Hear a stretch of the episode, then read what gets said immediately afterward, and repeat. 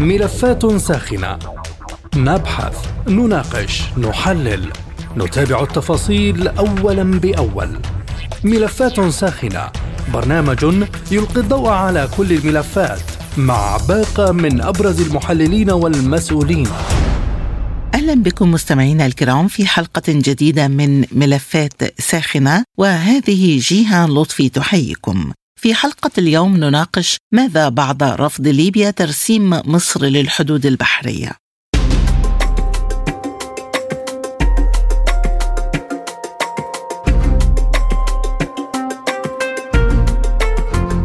أعلن مجلس النواب الليبي رفضه إعلان مصر ترسيم الحدود البحرية من جانب واحد وطلب بيان للجنتي الشؤون الخارجية والدفاع. التابعتين للبرلمان الليبي طلبوا الدولة المصرية بالتراجع الفوري عن هذا القرار مشددا على أن ترسيم الحدود يكون عبر مفاوضات تضمن المصالح المتبادلة للبلدين. وتقول مصادر مصرية إن القرار جاء حفاظا على المصالح المصرية ولم يتضمن أي اعتداء على الحقوق الليبية وجاء في غياب دولة قوية في ليبيا وفي ظل صراع قد يطول بما يضر بالمصالح المصرية. كان الرئيس المصري عبد الفتاح السيسي أصدر قرارا قبل أسبوع بترسيم الحدود البحرية الغربية للبلاد في البحر المتوسط تضمن قوائم الإحداثيات الخاصة بالحدود إضافة إلى إخطار الأمين العام للأمم المتحدة إلا أن حكومة الوحدة الليبية برئاسة عبد الحميد الدبيبة رفضت القرار المصري ودعت عبر وزارة خارجيتها إلى الحوار بشأن ترسيم الحدود فلماذا اتخذت مصر قرارا أحاديا بشأن ترسيم الحدود البحرية مع ليبيا؟ وما الذي سيترتب على رفض ليبيا لهذا الترسيم؟ ما مصير مناقصات التنقيب عن الغاز في البحر المتوسط؟ وكيف يؤثر هذا الخلاف على علاقات البلدين ودور القاهرة في التسويات السياسية في ليبيا؟ حول هذه المحاور وغيرها تدور نقاشاتنا في حلقة اليوم من ملفات ساخنه.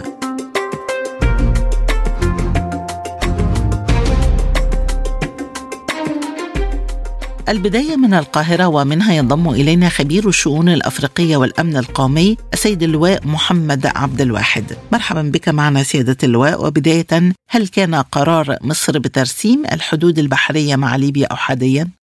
قرار ترسيم الحدود البحرية بين مصر وليبيا في البحر المتوسط هو قرار أنا أراه في قمة الرشد وجاء في توقيت مناسب وبالغ الحساسية بتشهد في المنطقة صراع استراتيجي وصراع اقتصادي. المنطقة كلها متوترة بعد اكتشافات الثروات في منطقة البحر المتوسط وبالتالي الدولة المصرية حسمت موقفها في عملية الترسيم المنفرد. والترسيم جاء منفرد لأسباب عديدة الحقيقة عشان برضو أتناول فكرة ليه الترسيم دي منفرد. جه بسبب الظروف اللي موجودة في ليبيا وانقسام الداخل الليبي ما بين الشرق وما بين الغرب. حالة الانسداد السياسي اللي موجوده هناك من الصعب جدا إن أنا أصيغ اتفاقية مع طرف دون الطرف الآخر وبالتالي أنا بظلم أو أستغل الظروف. وفيها نوع من الاستغلال في ظل عدم وجود دولة قوية وحكومة قوية في هذا التوقيت كما حدث من قبل مثلا في الاتفاقية اللي تم التوقيع عليها ما بين تركيا وما بين ليبيا الغرب أو الحكومة اللي كانت موجودة في ذلك التوقيت في طرابلس. كانت اتفاقية مجحفه للجانب الليبي وليست لها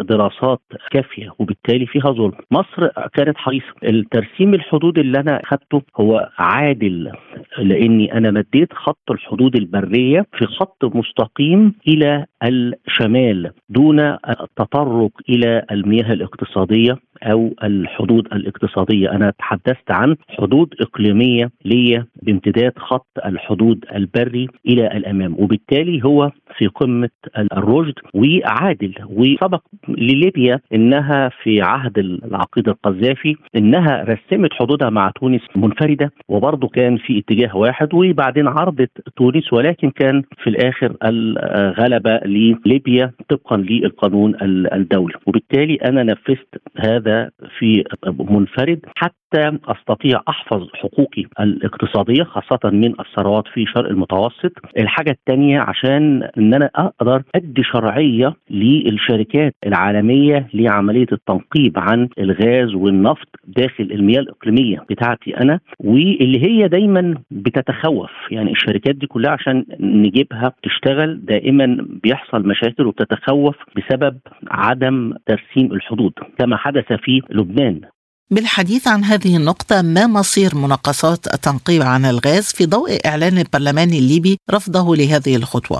أنا الحقيقة أنا بدور في مياه الإقليمية. أنا فقط الجانب الليبي جاز بينظر لها نظرة ضيقة في ذلك التوقيت لكن أنا أعلم تماما أن هناك تشابك في المصالح الاقتصادية والجيوسياسية في المنطقة، أطماع كثيرة آه، أوروبية في المنطقة وبالتالي أنا بحافظ على حقوقي، عشان كده أنا خدت القرار من طرف واحد، فبالتالي أنا بحافظ على حقوقي وبدي شرعية للشركات العاملة في التنقيب على الغاز والتنقيب على الثروات إنها تشتغل بترسيم قانوني. وموافقة مني أنا شخصيا. بحافظ على المصالح بتاعتي اللي موجودة وأنا سبق وإن وقعت اتفاقيات بهذا الشكل. وقعت مع اليونان قبل كده وقعت مع قبرص وقعت مع السعودية عشان أحدد الأماكن بتاعتي اللي هقدر أشتغل عليها وأنقب عليها. يعني ليس بجديد عمليات ترسيم الحدود.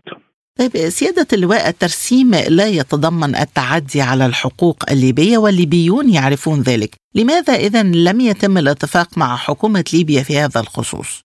أي حكومة أتفق مع أي حكومة. هناك حكومتين وبالتالي أنا حتى شايف إن في حالة الانقسام الداخل الليبي وحاله الانسداد السياسي قد يطول وبالتالي إطالته دي بتضر بالمصالح في ظل أطماع غربية وإقليمية في الداخل الليبي ده بتضر بالمصالح المصرية. فأنا رسمت من اتجاه واحد ربما عندما يتم تشكيل حكومة ربما يحدث تعديل والتعديل مش هيبقى فيه تغيرات كبيرة. أنا كمان عندي مشكلة إن أنا الحقيقة أنا بقع ما بين محورين. المحورين دول كلاهما أخطر من الآخر. عندي محور الأول وده أنا شايفه إن هو محور مصر إسرائيل اليونان قبرص وده محور شديد وقوي. ومحور آخر هو المحور الترسيم التركي الليبي ومعاه مصر وده محور أكثر ليونة أكثر المحور الأولاني بيخسرني حوالي 15 ألف كيلو متر مربع من الأراضي.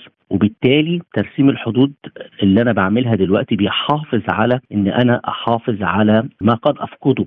مع المحور الأولاني. المحور الأولاني كان عايز استفاد من هذه المساحة لتمرير الغاز دون اساله إلى الاتحاد الأوروبي وبالتالي هيخسرني. فالقرار عشان كده بقول لحضرتك إن القرار اللي جاء قرار وطني في خوف شديد على المصالح القومية المصرية وبيحافظ على الحقوق ليس فقط في الفترة الحالية ولكن للأجيال القادمة. ولكن كيف يؤثر هذا الرفض الليبي والتوتر بشأن هذا القرار على الدور المصري في التسويات السياسية في ليبيا؟ لا شك انه انه إنه في الأول هيأثر ولكن الحقوق من خلال التفاهمات وأنا أتخيل إن بعد فترة الأطراف الليبية هتقدر هذا إن أنا لم أعتدي على حقوق ليبيا ولم اخذ شبر واحد من ثرواتهم ولكن البعض الحقيقة عشان بسبب كثرة التشابك المصالح في ليبيا والتدخلات الخارجية. أتخيل أن الصورة غير واضحة لدى الأطراف الإخوة في ليبيا ولكن سوف تتضح خلال الفترة القادمة من خلال المناقشات والحوارات وجلسات. أنا دائما ما أعزز الطرق السياسية لعمليات المصالحة في ليبيا والعودة إلى مائدة المفاوضات واستقرار ليبيا لأن استقرار ليبيا بشكل كبير هو جزء كبير من استقرار مصر. ليبيا دولة جوار مباشر وفي خطوط تماس في حدود مشتركه طويلة قد تصل إلى 1300 كيلو متر وبالتالي الاستقرار داخل ليبيا هو يعزز الاستقرار في الداخل عندي عنده جماعات متطرفة وعنده مرتزقة وعنده حالة من الفوضى قد تنتقل اليه قد ينتقل الي أعداد اللاجئين قد ينتقل الي عدد من الإرهابيين وتجار الجريمة المنظمة في حالة وجود فوضى. وبالتالي أنا أعزز وأدعم حالة الاستقرار. وموقف المصري في ليبيا الحقيقة هو موقف ثابت وله شعبية كبيرة يعني أكثر من الأطراف الليبية المتنازعة لكن موقف له شعبية كبيرة داخل الشعب الليبي نفسه لأنه متوازن وهو الموقف الوحيد اللي ليس له أطماع موقف جاد ومحدد وهو عودة الاستقرار مرة أخرى إلى ليبيا. ربما خلال الفترة القادمة من خلال الجلسات يبقى هناك قناعة تامة بما اتخذته مصر.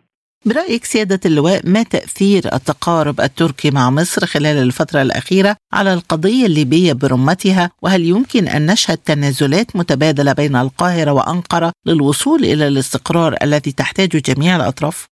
الحقيقة العلاقات المصرية التركية خلال الفترة السابقة شهدت تطور بالغ كانت الأول على مستوى الاستخباراتي وزيارات متبادلة ما بين الطرفين توقفت لمدة عام كامل ثم يعني عادت مرة أخرى بقوة. هناك تفاهمات كثيرة ربما تكون هناك نقاط خلافية ولكن تم الاتفاق على تأجيل هذه النقاط الخلافية فيما بعد قد تبحث من خلال ثنائية مشتركة لتذليل العقبات. وفيما يتعلق لأن المصالح كبيرة ما بين مصر وتركيا سواء مصالح جو سياسية أو مصالح اقتصادية ودولتين كبار في منطقة الشرق الأوسط. فيما يتعلق بليبيا أتخيل إن الفترة الجاية سوف تشهد حالة من التقارب أكثر والموائمات السياسية واتفاق على نقاط معينة لحفظ الأمن والاستقرار في الداخل الليبي دون وجود نزاعات. يعني التقارب المصري التركي أنا شايف إن هو جزء مهم جدا من استقرار ليبيا. من القاهرة اللواء محمد عبد الواحد خبير الشؤون الأفريقية والأمن القومي. كنت معنا شكرا جزيلا على هذه الإيضاحات. وحول الموقف الليبي ينضم إلينا من بنغازي رئيس مجموعة العمل الوطني في ليبيا الدكتور خالد الترجمان. مرحبا بك معنا ضيفا عزيزا دكتور خالد وبداية برأيك لماذا ترفض ليبيا القرار المصري لترسيم الحدود البحرية في حين قبلت قبل ذلك ترسيم الحدود مع تركيا؟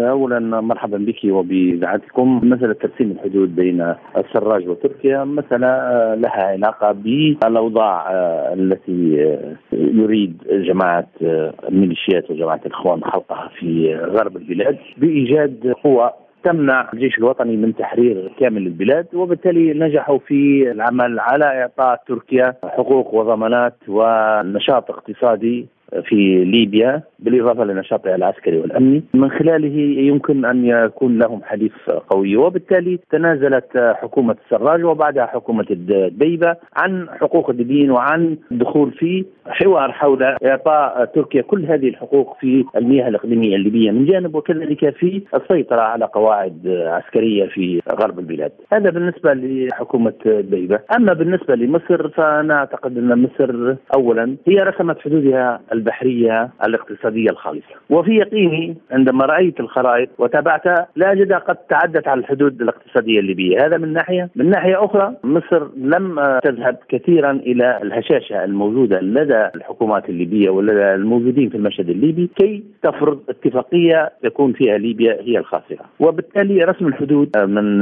جانب واحد لا يضفي أي واقعية وأي شرعية على ترسيم هذه الحدود، الحدود بد لها من طرفي الطرفين يتفقان على نقاط تحديد هذه الحدود وعلى نقاط التماس بينهما وما إلى ذلك مما يكفله القانون الدولي والاتفاقات الدولية وكذلك الاتفاقات بين الدول. ولهذا ترسيم الحدود من جانب واحد يعطي الليبيين الحق في الاعتراض عليها يعطي الليبيين الحق في إعادة الحديث حول طبيعة هذه الحدود وكيفية الاتفاق على نقاط الحدودية بين الطرفين. وبالتالي لا يمكن بأي حال من الأحوال مقارنة حدث مع مصر هذه الدولة الشقيقة الدولة التي وقفت معنا ضد الإرهاب وضد الميليشيات بموقف تركيا التي جاءت بعقلية المستعمر وعقلية السيطرة على موارد الليبيين وعقلية السيطرة على ليبيا بدليل أنها تتحدث عن حماية مليون ونصف مليون ليبي من أصول تركية تتحدث عن أن لها حق تاريخي في في ليبيا.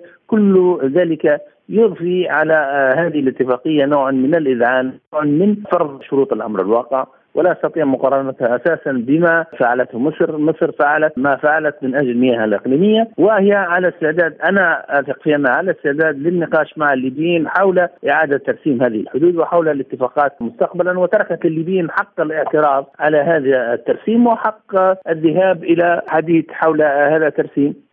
طيب إذا كان لا يوجد تعدي على الحدود الليبية كما تفضلت إذا هل أسباب الرفض سياسية فحسب أم أن البرلمان لديه تحفظات على نقاط فنية معينة؟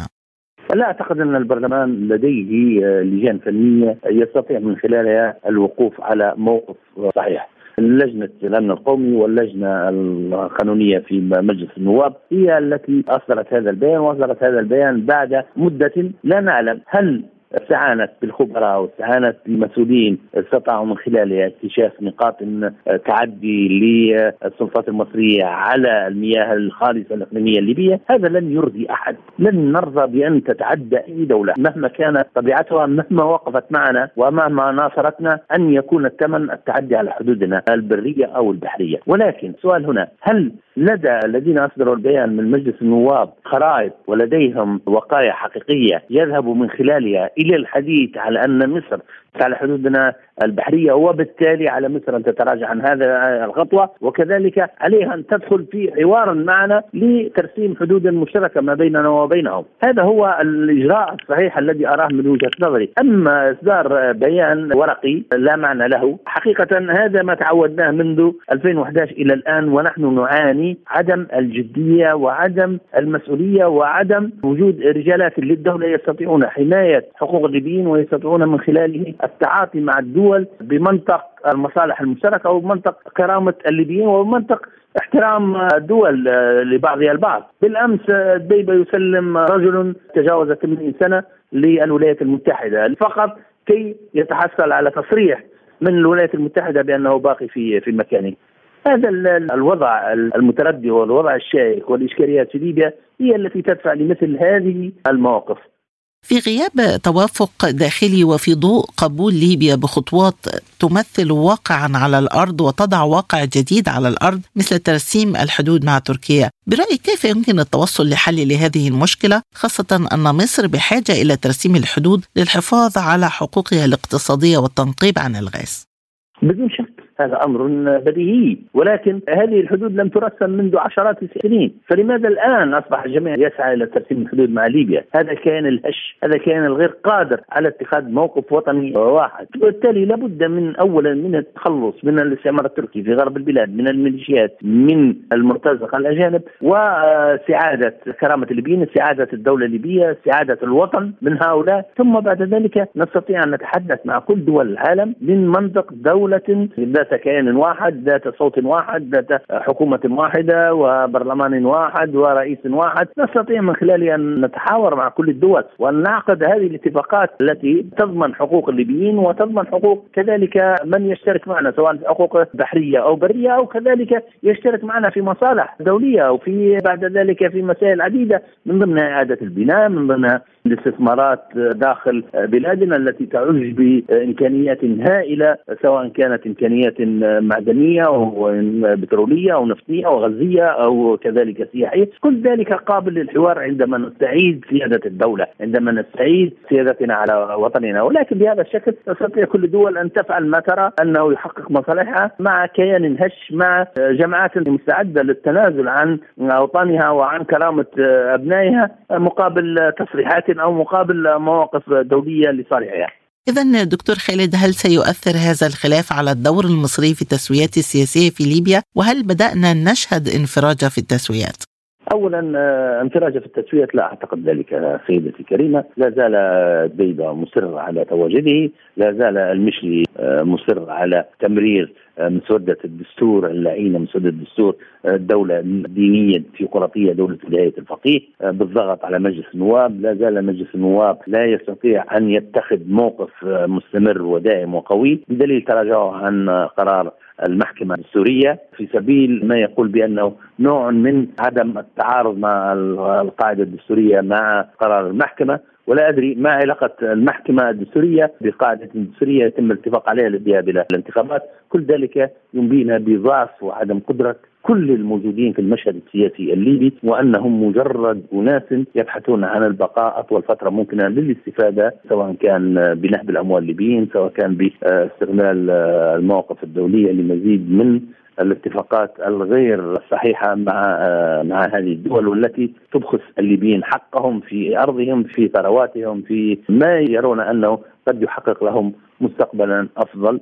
أما مسألة أن هذه الأمر سيكون مدعاه لنوع من الخلاف لا أعتقد ذلك لأننا أعتقد أن المبادئ مبادئ التعاون بين ليبيا ومصر ثابتة وأزلية ولا يمكن أن تتأثر بمثل ذلك ويمكن الحديث بعد ذلك في إعادة ترسيم الحدود بيننا وبين مصر بالذات الحدود البحرية، نحن الآن منذ الاستقلال منذ 1951 حتى الآن لم نرسم الحدود مع الجزائر، الجزائر داخل الحدود الليبية أكثر من 30 كيلومتر، قضية حاتم مسعود وقضية السيين. لا زالت عالقة مع الأخوة في الجزائر ولم تنتهي منذ 1951 لم يتم ترسيم هذه الحدود إلى الآن. ما حدث بيننا وبين تشاد حيث فقدنا أوزو نتيجة مغامرات القذافي ونتيجة حلمه بأن يصبح إمبراطور لإمبراطورية العاليه وبالتالي ليبيا لا زالت تعاني منذ الحرب العالمية الثانية ومنذ وعود إنجلترا وأمريكا لليبيا بالاستقلال والتنصل عن هذا الوعد والقتال من أجل استقلال ليبيا الاستقلال المنقوص الذي لا زلنا نعانيه حتى الآن منذ 1951 إلى الآن. 2023 وبالتالي ما تعاني ليبيا. أعتقد أنه فاق الخيال وفاق التصور. أموال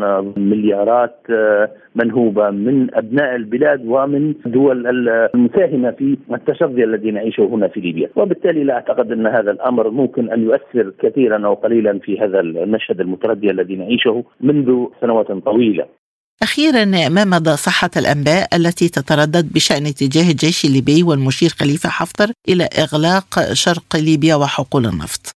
لا أعتقد أن ذلك حقيقي لم يصلنا عن كلمة المشير إلا ساعات قليلة. المشير أنا أعتقد أنه سيظل في نفس إطاره الداعي للدولة المدنية الداعي للانتخابات المتضامن مع الشعب الليبي والذي يؤكد إن بناء هذا الجيش ومن ساعدنا في بناء قوتنا المسلحة نحن من أجل حماية الدولة الليبية وحماية حدودها وكذلك مواجهة المستعمرين مواجهة القوات الأجنبية المرتزقة وما يطلبه الشعب الليبي من قيادته من قوته المسلحة. ستكون قوته المسلحة حاضرة لتنفيذ أوامر الشعب الليبي. هذا من ناحية. من ناحية أخرى لن يذهب إلى ما قيل بأنه فصل منطقة برقة وفزان عن طرابلس وكما يقال فك الارتباط مع حكومة طرابلس وما إليه. ربما سيذهب في النهاية إلى مسألة هامة وهي إعطاء وقت للذهاب للانتخابات حتى تحل المسألة. كما يريد الجميع سلميا إعطاء فرصة أخيرة ربما إعطاء وقت محدد سيعلنه بالتأكيد. لا أعتقد أنه سيتجاوز الثلاثة أشهر أو 90 يوما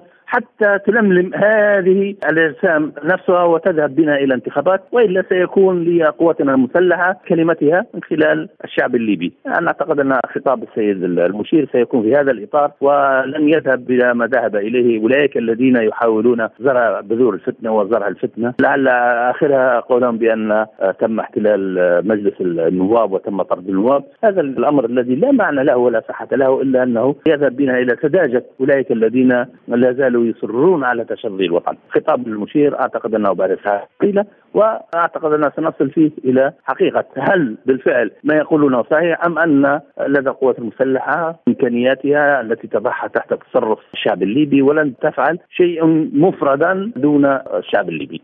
من بنغازي الدكتور خالد الترجمان رئيس مجموعة العمل الوطني كنت معنا. شكرا جزيلا لك.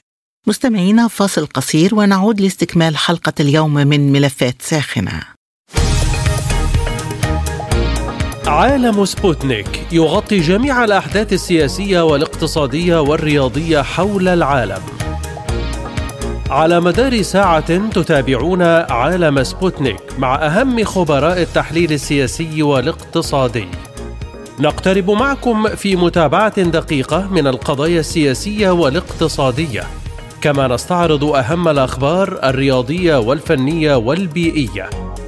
انتظروا عالم سبوتنيك أيام الجمعة والسبت والأحد من كل أسبوع.